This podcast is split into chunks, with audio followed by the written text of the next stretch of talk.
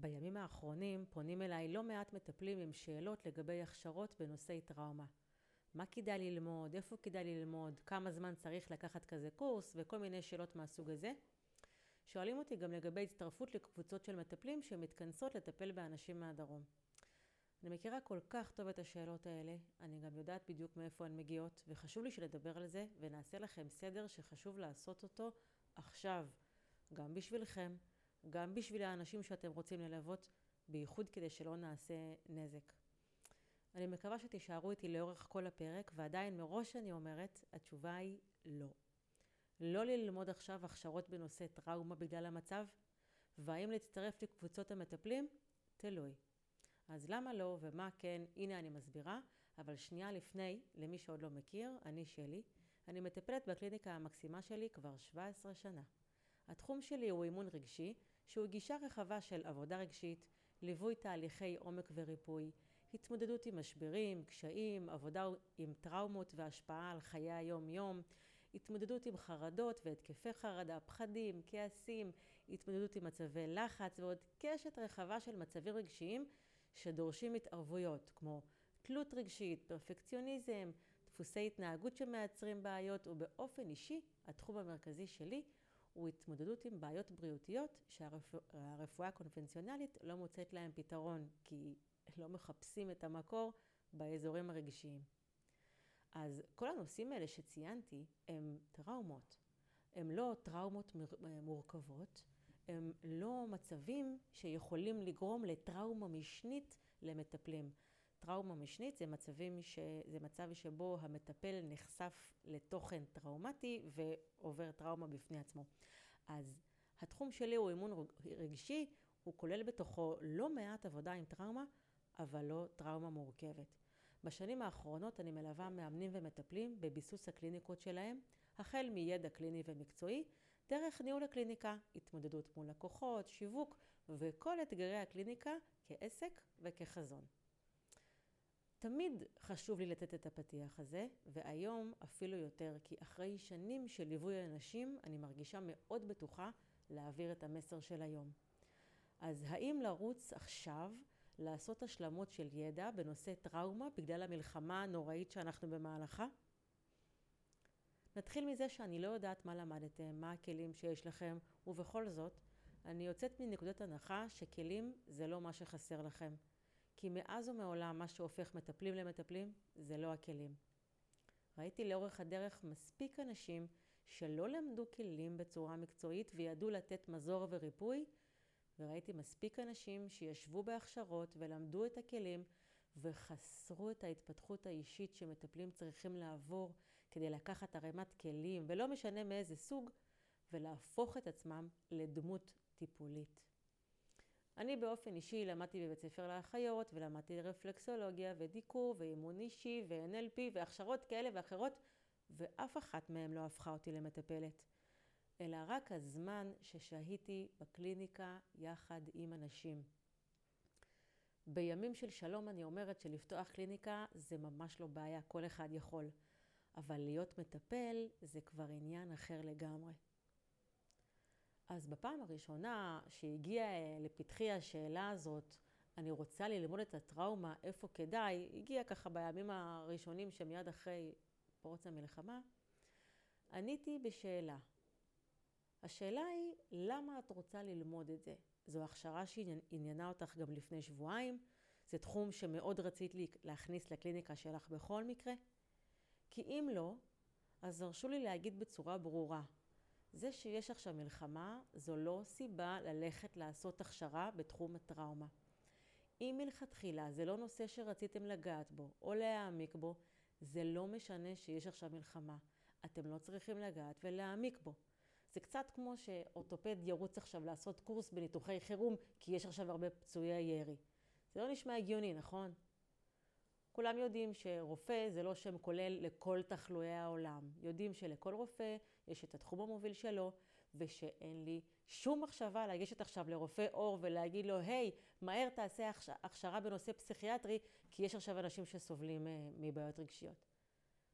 אז ממש לא צריך לרוץ ולעשות הסבות מקצועיות, מה עוד שיש עכשיו הרבה אנשים שצריכים דווקא את הרופא הפסיכיאטרי, שאנחנו לא נרצה לעשות לו הסבות מקצועיות, או את, או, או את רופא העור.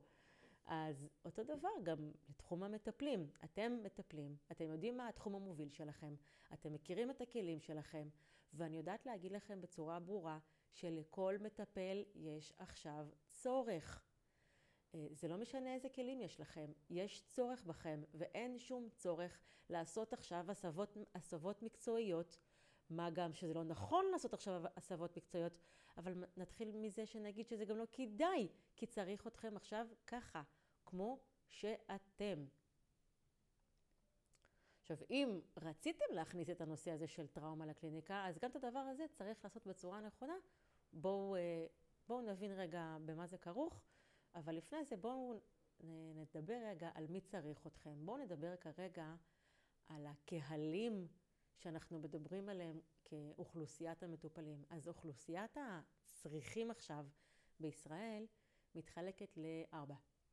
יש לנו את האנשים שעברו אה, זוועות, הם חווים אובדנים באופן אישי, הם, נמצאים בטראומות מאוד עמוקות, אה, אנשי הדרום, ובמקרים האלה יש צורך בטיפול נמרץ רגשי, עם כל המאפיינים של טיפול שהוא אינטנסיבי, שוטף, קבוע. אנחנו צריכים טיפול רב-מערכתי, עם המון ניסיון בתחום המסוים הזה. זה לא מתאים לקליניקות של אחד על אחד, זה לא מתאים לאנשים שאין להם ניסיון. המקרים האלה מתאימים רק לאנשים שכבר צברו פזם בתחום המסוים הזה. שום הכשרה מהירה, שום ידע וכלים שאין, לא מחוברים לניסיון, לא יעזרו פה ויכולים לעשות הרבה מאוד נזק. אוכלוסיית הצריכים אה, השנייה הם אנשים שמכירים מישהו. אלה אנשים שכנראה חווים סוג של אובדן על כל המרכיבים של אבל ואובדן וחרדה. הם, אה, הם אה, לא מהמעגל הראשון של הנפגעים, אלא מכירים מישהו.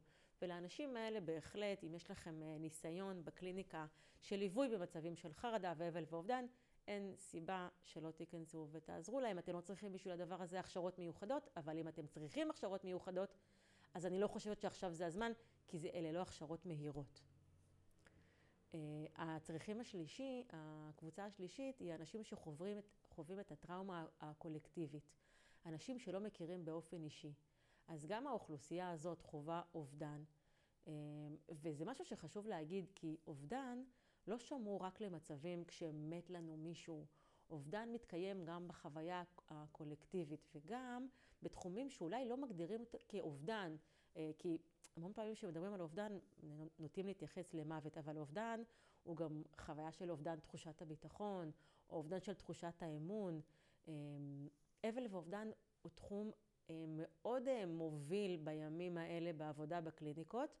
אה, אם אתם יודעים לעבוד עם אובדן, מה שנקרא אובדנים שגרתיים בקליניקה שלכם, אז אין שום בעיה שאתם תעבדו עם אובדנים גם אחרים.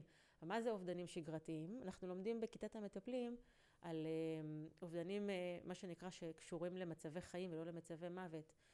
גירושים, פיטורים, הזדקנות, אה, אה, אובדן אמון אחרי בגידות, כל הדברים האלה הם שייכים לחוויית אבל ואובדן, אה, שאם אתם יודעים לעבוד עם המצבים האלה, אתם גם יכולים לעבוד עם מצבי הטראומה הקולקטיבית, האנשים שהם לא מכירים באופן אישי, ו, ואתם כן יכולים ללוות אותם.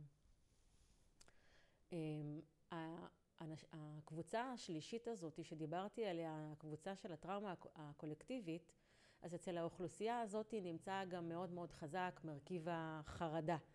גם כתוצאה מסיפורי הזוועה שאנשים נחשפו אליהם, גם כתוצאה מהעתיד לבוא. אה, נכנסים למקום הזה גם אה, חרדות כלכליות. צריך לאפיין בצורה טובה את הדברים. אם אתם יודעים לעבוד עם חרדות, יש לכם אה, קהל גדול מאוד מאוד לעבוד איתו. ואם אתם רק עכשיו צריכים ללמוד את ההכשרה, אז קחו בחשבון שזאת הכשרה מורכבת, זאת הכשרה ארוכה, אתם צריכים לצבור ניסיון, זה ייקח לכם זמן עד שתוכלו לעבוד. אבל אם אתם יודעים לעבוד עם, אה, עם אה, המצבים האלה של האבל ואובדן השגרתיים, או חרדה והתקפי חרדה, לגמרי יש לכם עכשיו קהלים ענקיים, ולא צריך לעשות הכשרות בנושאים של הטראומות המורכבות. יש הרבה מה לעשות עם אוכלוסיית ישראל. נדבר רגע על הקבוצה הרביעית, שאני אקרא לה הקבוצה של כל הבעיות שהיו שם קודם, כי אף בעיה שהייתה שם קודם לא נעלמה, אף בעיה של שגרה לא, לא התאדתה, הבעיות השגרתיות, כל מה שהיה שם קודם, רק ילך ויחמיר. הורים שיש להם הלקאה עצמית על ההורות שלהם, זה יכול להחמיר. בעיות בזוגיות, זה יכול להחמיר. אה, כל מיני דברים שקשורים להתפתחות אישית שאדם צריך לעבור, אלה דברים שילכו ויחמירו, ואם אתם מלווים את האנשים בשגרה אה, במצבים האלה, אז אתם מלווים אותם גם עכשיו, ולא צריך לרוץ ולעשות שום הכשרות ושום אה, השלמות. יש המון עבודה להמון מטפלים. אחרי שמבינים את, את אוכלוסיית הצריכים הזאת של המדינה שלנו, למטפלים יותר קל למצוא את עצמם ביחס לכלים שיש להם וגם ביחס לניסיון שיש להם. ואני רוצה רגע לשים כוכבית קטנה, כי אני תמיד מדברת על שיווק. אני תמיד חושבת ששיווק זה קריטי לעשות. אני חושבת שעכשיו זה עוד יותר קריטי לעשות שיווק, כי יש הרבה אנשים שזקוקים לעזרה, והם צריכים לדעת שאנחנו פה, וכשאנחנו עושים את השיווק שלנו, אנחנו בוחרים את אוכלוסיית הצריכים שתיארתי אותה מקודם, ואנחנו מדברים אליהם. בין אם אנחנו מדברים על אוכלוסייה של, שיש לנו ניסיון לעבוד עם אוכלוסייה עם טראומות מורכבות, אז אנחנו מדברים אליהם. ובין אם אנחנו ממשיכים לפרסם את העבודה השגרתית שלנו, את ליווי ההורים, את הבעיות הזוגיות. אנשים צריכים לדעת שהקליניקה פתוחה ושיש להם אפשרות להמשיך את התהליכים הרגשיים שלהם. זה מאוד חשוב אה, להיות שם עבור האנשים ולהישאר בתחום המקצועני שלכם. טוב, אז אה, אני מקווה שהחלק הזה קצת עזר לכם, כי הדבר הבא שאני רוצה לדבר עליו הוא בעצם ההבדל בין ידע וכלים ובין ניסיון. אז בואו רגע נבדיל ביניהם, כי מבחינתי, כמי שמלווה אנשים בדרך לביסוס קליניקה, אני חושבת שזה בערך אולי אחת הבעיות הכי גדולות. אז תראו, בואו בוא נבין שנייה משהו. מי שעבר uh, מרינדה, שזה מרינדת המטפלים, כיתת המטפלים שלו, שלי, יש לו כלים מעולים לטפל בטראומה, בחרדות, בלחץ. כל המקרים האלה שאני מדברת עליהם לאורך כל הפרק, לאורך כל הפרקים. אני בכיתת המטפלים שלי לא מתמקדת בטראומה מורכבת ברמת הזוועות שאנשים עברו בדרום. אני לא מתמקדת בטראומות קשות מבחינת תוכן, מכיוון שכיתות המטפלים שלי מתמקדות בשלב של ביסוס הקליניקה. ובשלב של ביסוס הקליניקה זה לא נכון להתעסק עם נושאים מורכבים וקשוחים מבחינה רגשית. אז בואו נדבר שנייה על המוכנות הרגשית של מטפלים. כלים יש, אבל המוכנות רגשית זה כבר משהו אחר. מבחינת מוכנות רגשית, כדי ללוות אנשים בצורה טובה, אף פעם כלים זה לא היה עניין, אלא רק היכולת של המטפל והניסיון שלו לעבוד עם הכלים. אז בואו גם את הדבר הזה נחלק שנייה. אתם עלולים להרגיש שאין לכם ידע ללוות אנשים במצבי חרדה או טראומה, לא כי אין לכם ידע, אלא כי אין לכם ניסיון. אם עד היום לא ליוויתם אנשים בצורה מסודרת, אתם תרגישו את חוסר הניסיון שלכם. כי בסופו של דבר, הניסיון הוא החלק שמאפשר לקחת כלים ולעשות מהם תה, תהליך. ולכן אני אומרת היום, אל תרוצו לחפש כלים. תדעו להבדיל טוב אם מה שחסר לכם זה ידע או ניסיון בעבודה עם אנשים. כי אם ניסיון זה מה שחסר לכם, ואתם תרוצו עכשיו לעשות עוד איזושהי השלמה של קורס או עוד כלים, אתם הולכים ליפול עוד הפעם לבור הזה של קורסים שנותנים ידע, אבל לא את הביטחון שאתם באמת מחפשים. תראו, הבלבול הזה של ידע וניסיון זה אחד הדברים הכי קשוחים בחיים של מטפל. זה לרוב גם מה ששולח את המטפלים לעוד קורס ועוד קורס ועוד קורס, במקום להוריד אותם לשטח ובאמת לעבוד. עכשיו אני רוצה לדבר איתכם על עוד משהו שחשוב לב, לשים לב אליו מבחינת מוכנות רגשית. אם אין לכם ניסיון בליווי מקצועי של אנשים, כנראה שעוד לא התפתחה גם המיומנות שלכם להחזיק מבחינה רגשית סיפורים. ואת הדבר הזה לא לומדים. הוא מתקיים ומתבסס תוך כדי העבודה. אה, אי אפשר ללוות אנשים במצבים מורכבים אם לא ליוויתם מספיק זמן בצורה טובה, אנשים במצבים שגרתיים, זה פשוט לא עובד ככה. אה, אנחנו רוצים לשמוע אה, סיפורים שגרתיים, סיפורים עצובים, סיפורים כואבים, סיפורים טראומטיים במסגרת אה, טראומות יחסית פשוטות, משמעותיות, שבהחלט משפיעות על חיי היום-יום. אנחנו רוצים לראות, לראות שאנחנו יודעים להחזיק בצורה טובה אנשים בוכים. אנחנו רוצים לדעת שאנחנו יודעים להחזיק בצורה טובה אנשים שהם מתפרקים. אנחנו רוצים להכיר את כל הדפוסים המכביים ולדעת שאנחנו יודעים לעבוד איתם לפני שאנחנו צונחים לעבודה עם טראומה מורכבת. אמ, הבעיה הכי גדולה שלי במקום הזה, זה שאני לא, שאני יודעת שאנשים שלא אמ, מפתחים את הניסיון בלהז... ואת המיומנות בלהקשיב לסיפורים ולסנן ולהפריד בינם לבין המטופלים ולעבד בצורה טובה את הסיפורים שהם אה, שומעים.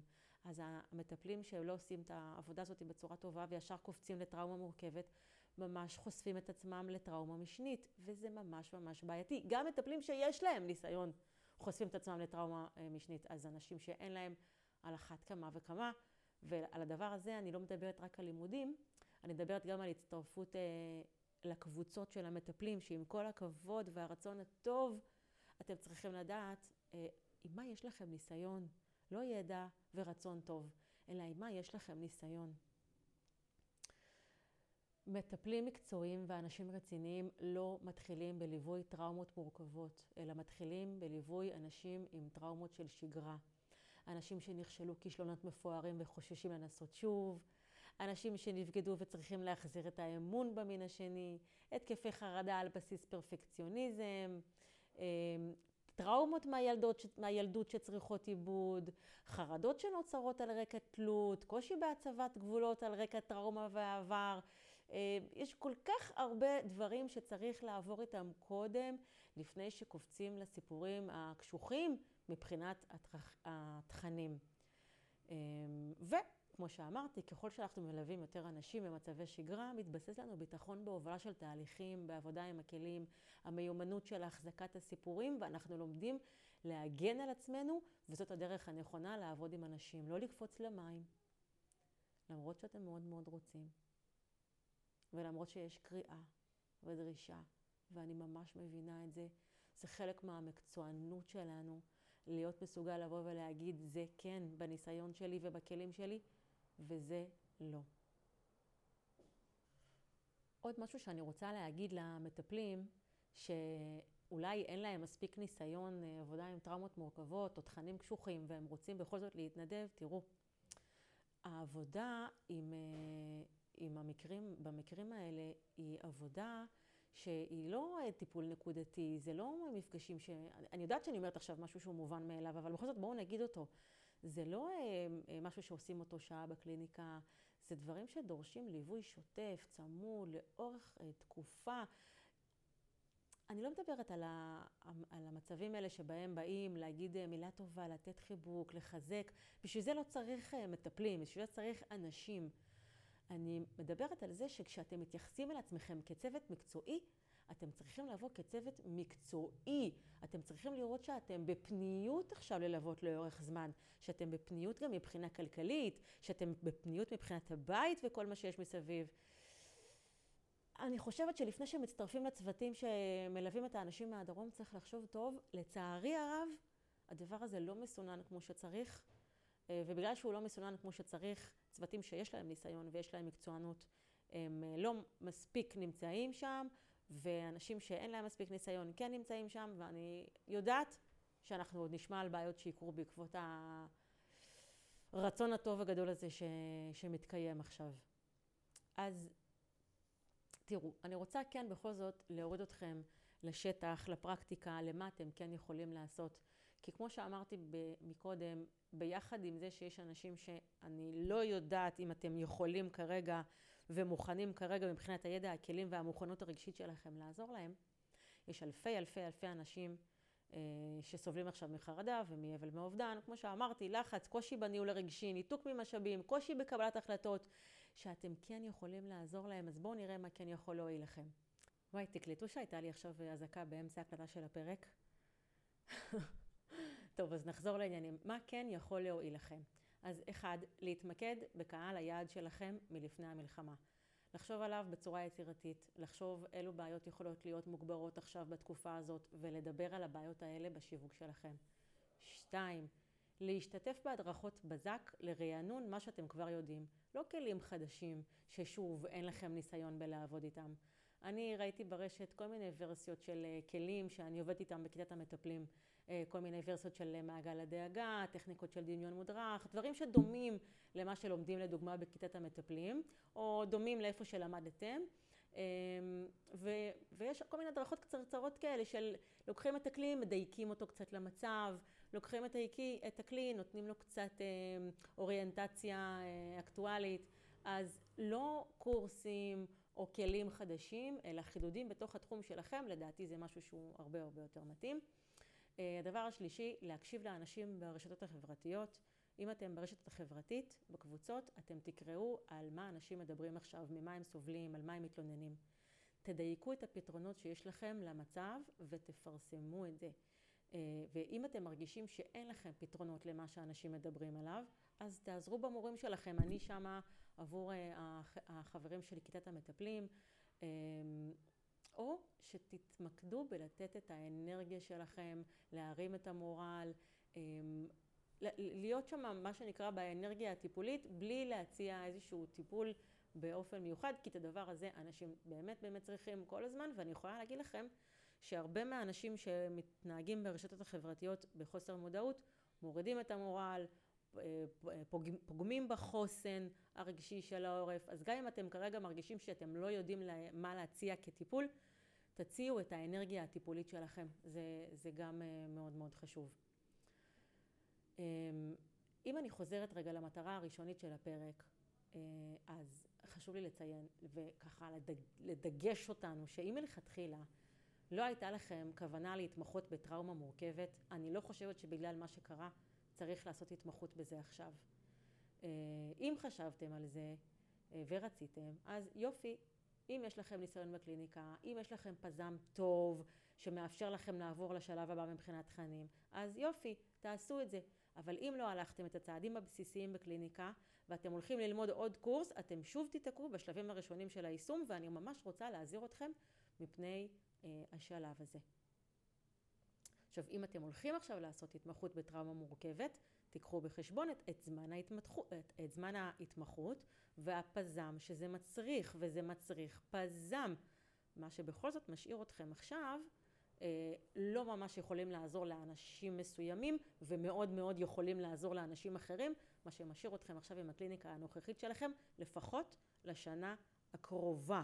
אז כדאי לשים לב לזה, שגם אם אתם רוצים, הולכים עכשיו לעשות התמחות בטראומות מורכבות, בשנה הקרובה אתם ממשיכים עם הקליניקה הקיימת שלכם, ולא כדאי אה, לשים את זה בצד, ותחשבו עוד הפעם אם אתם רוצים להתפזר. אני יודעת שיש עכשיו הרבה מטפלים שמטפסים על הקירות, רוצים לעזור, רוצים להיות משמעותיים. אני יודעת שיש מטפלים שרוצים להתפרנס ויודעים שעכשיו תהיה הרבה עבודה, וזה נכון, תהיה הרבה עבודה. למטפלים תמיד יש הרבה עבודה. השאלה היא אם הם מסכימים לעשות את הצעדים של ביסוס הניסיון המקצועי ולהיות שם על המגרש ולעשות את השיווק ולמצוא את האנשים שנכון להם ללוות אותם. זאת השאלה. למטפלים תמיד יש עבודה. השאלה אם המטפלים מסכימים לעשות את התהליך ואת הדרך הנכונה אה, ללוות אנשים בצורה אה, טובה. כוכבית קטנה אחרונה לפרק הזה, כנראה נדבר עליה עוד הרבה בהרבה הזדמנויות. יש היום המון מקומות אל, טובים להתנדבות, וזה נהדר וזה חשוב, אבל בתחום הטיפול גם צריך מאוד מאוד להיזהר מהמקום הזה. יש מקומות שלא צריך להתנדב, ויש מקומות שלא כדאי להתנדב, ויש מקומות שלא נכון להתנדב. אני אגיד לכם שהמקרים של הטראומות המורכבות מהמלחמה הנוכחית, הם מקרים מאוד רגישים מבחינת התנדבות. צריך, צריך לקחת את הדבר הזה בחשבון כשאתם נכנסים לפרויקט התנדבותי על חשבון הקליניקה שלכם שמפרנסת אתכם. בקיצור, זה מערך שיקולים שלא צריך לקפוץ אליו, צריך לעשות אותו בצורה מקצועית, מקצוענית, כלכלית, להסתכל על הדברים בצורה רחבה. לסיום הפרק אני אגיד את משפט, משפט המחץ שלי, שאני אומרת תמיד, ועכשיו אפילו יותר. להפוך למטפלים זה לא כלים, זה לא ידע, זו דרך של התפתחות אישית. לא הופכים למטפלים מקורס ולא הופכים למטפלים מתוך איזושהי מצוקה, הופכים למטפלים תוך כדי העבודה. אני מקווה שהפרק הזה עשה לכם סדר, אני מקווה שהוא אה, השאיר אתכם במקום שלכם, בקטע הטוב, להתמקד במה שאתם כבר יודעים, שאתם כבר עושים, לבסס את זה, להעמיק את זה, להרחיב את זה, להיות יצירתיים עם זה, לפנות אל הקהל שנכון אליכם. אני מקווה שתממשו את הזכות הענקית שלכם להיות מטפלים בתקופה הזאת. תהיו שם עבור אחרים, תהיו שם עבור עצמכם. אנחנו צריכים אה, חוסן גדול, כולנו, ויש לנו המון המון עבודה. אם יש לכם שאלות, גם מקצועיות, גם שיווקיות, גם ניהוליות, בכל מה שקשור לקליניקה, גם אם אני היום עדיין לא המורה שלכם, והלוואי ואני אהיה המורה שלכם, אבל גם אם אני היום לא המורה שלכם, אתם מוזמנים לשאול אותי, אתם מוזמנים לכתוב לי, אתם מוזמנים לפנות אליי, אני פה בשבילכם. יש בכל מקום את המייל שלי, תרגישו בנוח גם לספר לי מה אתם לוקחים מהפרק ואם הוא תרם לכם, וגם אם אתם רוצים להתייעץ. שיהיה לנו שלום, שיבואו בימים טובים. אני מאחלת ריפוי לכולם.